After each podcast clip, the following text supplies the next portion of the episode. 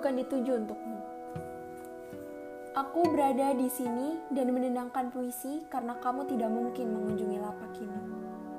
Di suatu senja, saat kita menghabiskan waktu bersama, setelah aku menyelesaikan salah satu ujian di dunia perkuliahan, kamu berkata, Gue gak suka dengerin podcast. Dalam relungku, aku tersenyum, bahagia. Menandakan bahwa Bolehkah aku selalu menjadikan lapak ini sebagai tempat melukiskan diri? Rencanaku akan selalu bercerita tentangmu di lapak ini.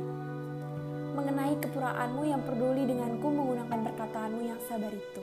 Ya, aku tahu jika kamu hanya bermain. Seolah-olah uluran tanganmu adalah tempat lapang untukku yang menginginkan sebuah peristirahatan. Seakan-akan diriku yang terpojok ini terbuai dengan kebaikanmu yang sulit dideteksi ini tulus atau ada maunya. Sewaktu-waktu kamu tahu aku membutuhkanmu, namun ternyata kamu melambai di sudut lain dengan muka remehmu itu. Sepahit-pahitnya aku hanya menangis malam suntuk lalu bangun dengan rasa sakit yang menjadi bagian jiwaku. Aku sudah terbiasa menginjak aku di jembatan setapak.